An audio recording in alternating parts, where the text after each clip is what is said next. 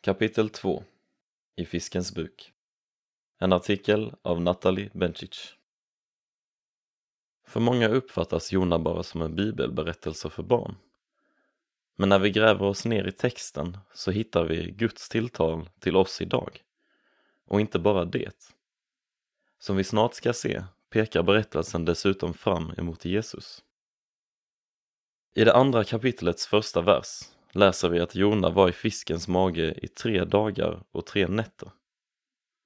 Det påminner om något. För visst var det just efter tre dagar som Jesus skulle uppstå igen? I Matteusevangeliet kapitel 12, vers 40 är detta något som Jesus själv hänvisar till när han pratar om sitt eget öde. Liksom Jona var i fiskens inre ska han själv vara i jordens inre i tre dagar och i tre nätter. Det finns dock en viktig skillnad. Jona hamnade i fisken på grund av sin olydnad mot Gud, medan Jesus hamnade i jordens inre just för att han var lydig ända till döden. Döden på ett kors. Ensam i mörkret. Det finns såklart en massa frågor om hur en människa kan överleva i en fisks buk.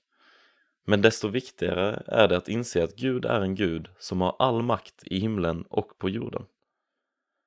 Han är en gud som gör mirakler. Ibland så märkliga och häpnadsväckande som att låta någon överleva i magen på en fisk.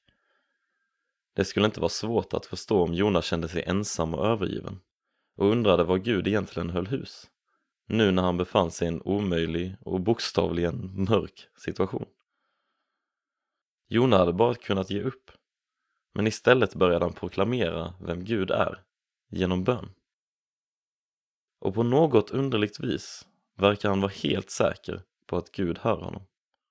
Fastän han fortfarande befinner sig i fisken. Ropet till Gud. Jag ropade till Herren i min nöd, och han svarade mig. Från dödsrikets buk ropade jag på hjälp, och du hörde min röst. Du kastade mig i djupet, mitt i havet, och strömmarna omslöt mig. Alla dina böljor och vågor svepte över mig. Jona kapitel 2, vers 3-4. Den här passagen är inte bara en del av Jona bok. Den är också en påminnelse till dig och mig. En påminnelse om att vända oss till Gud och ropa till honom i livets alla situationer. När mörkret tränger sig på och livet inte alls tar den vändning man hoppats är hoppets Gud fortfarande bara en bön bort. Han kanske inte tar oss ifrån situationen vi befinner oss i men han vill alltid komma med sin frid till våra hjärtan, vilket i sig kan förändra hela situationen. Bön från Bibeln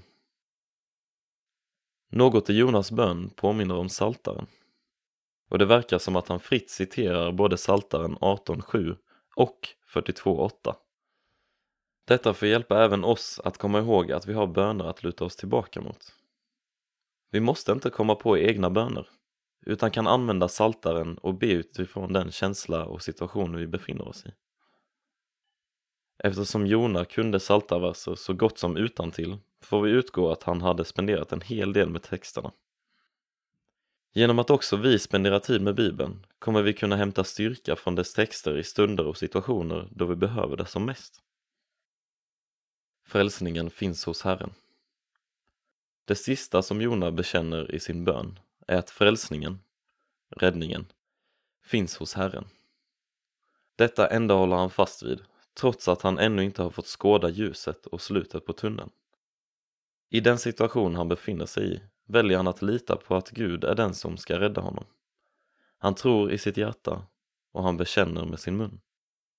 Och räddningen kommer då fisken spottar ut Jona. Vi får också släppa kontrollen och lita på att räddningen finns utanför oss själva hos honom som har skapat oss. I livets mörka dalar, eller när vi står på dess ljusa toppar, får vi fortsätta läsa Bibeln. Guds ord ger oss styrka när vi behöver det som mest och påminner oss om vem Gud är. Vi får fortsätta tro att Gud är en Gud som gör mirakler och som har all makt i himlen och på jorden.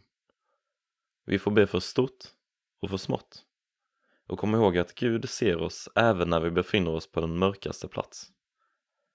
Och slutligen får vi, precis som Jona, hålla fast vid att räddningen finns hos Gud.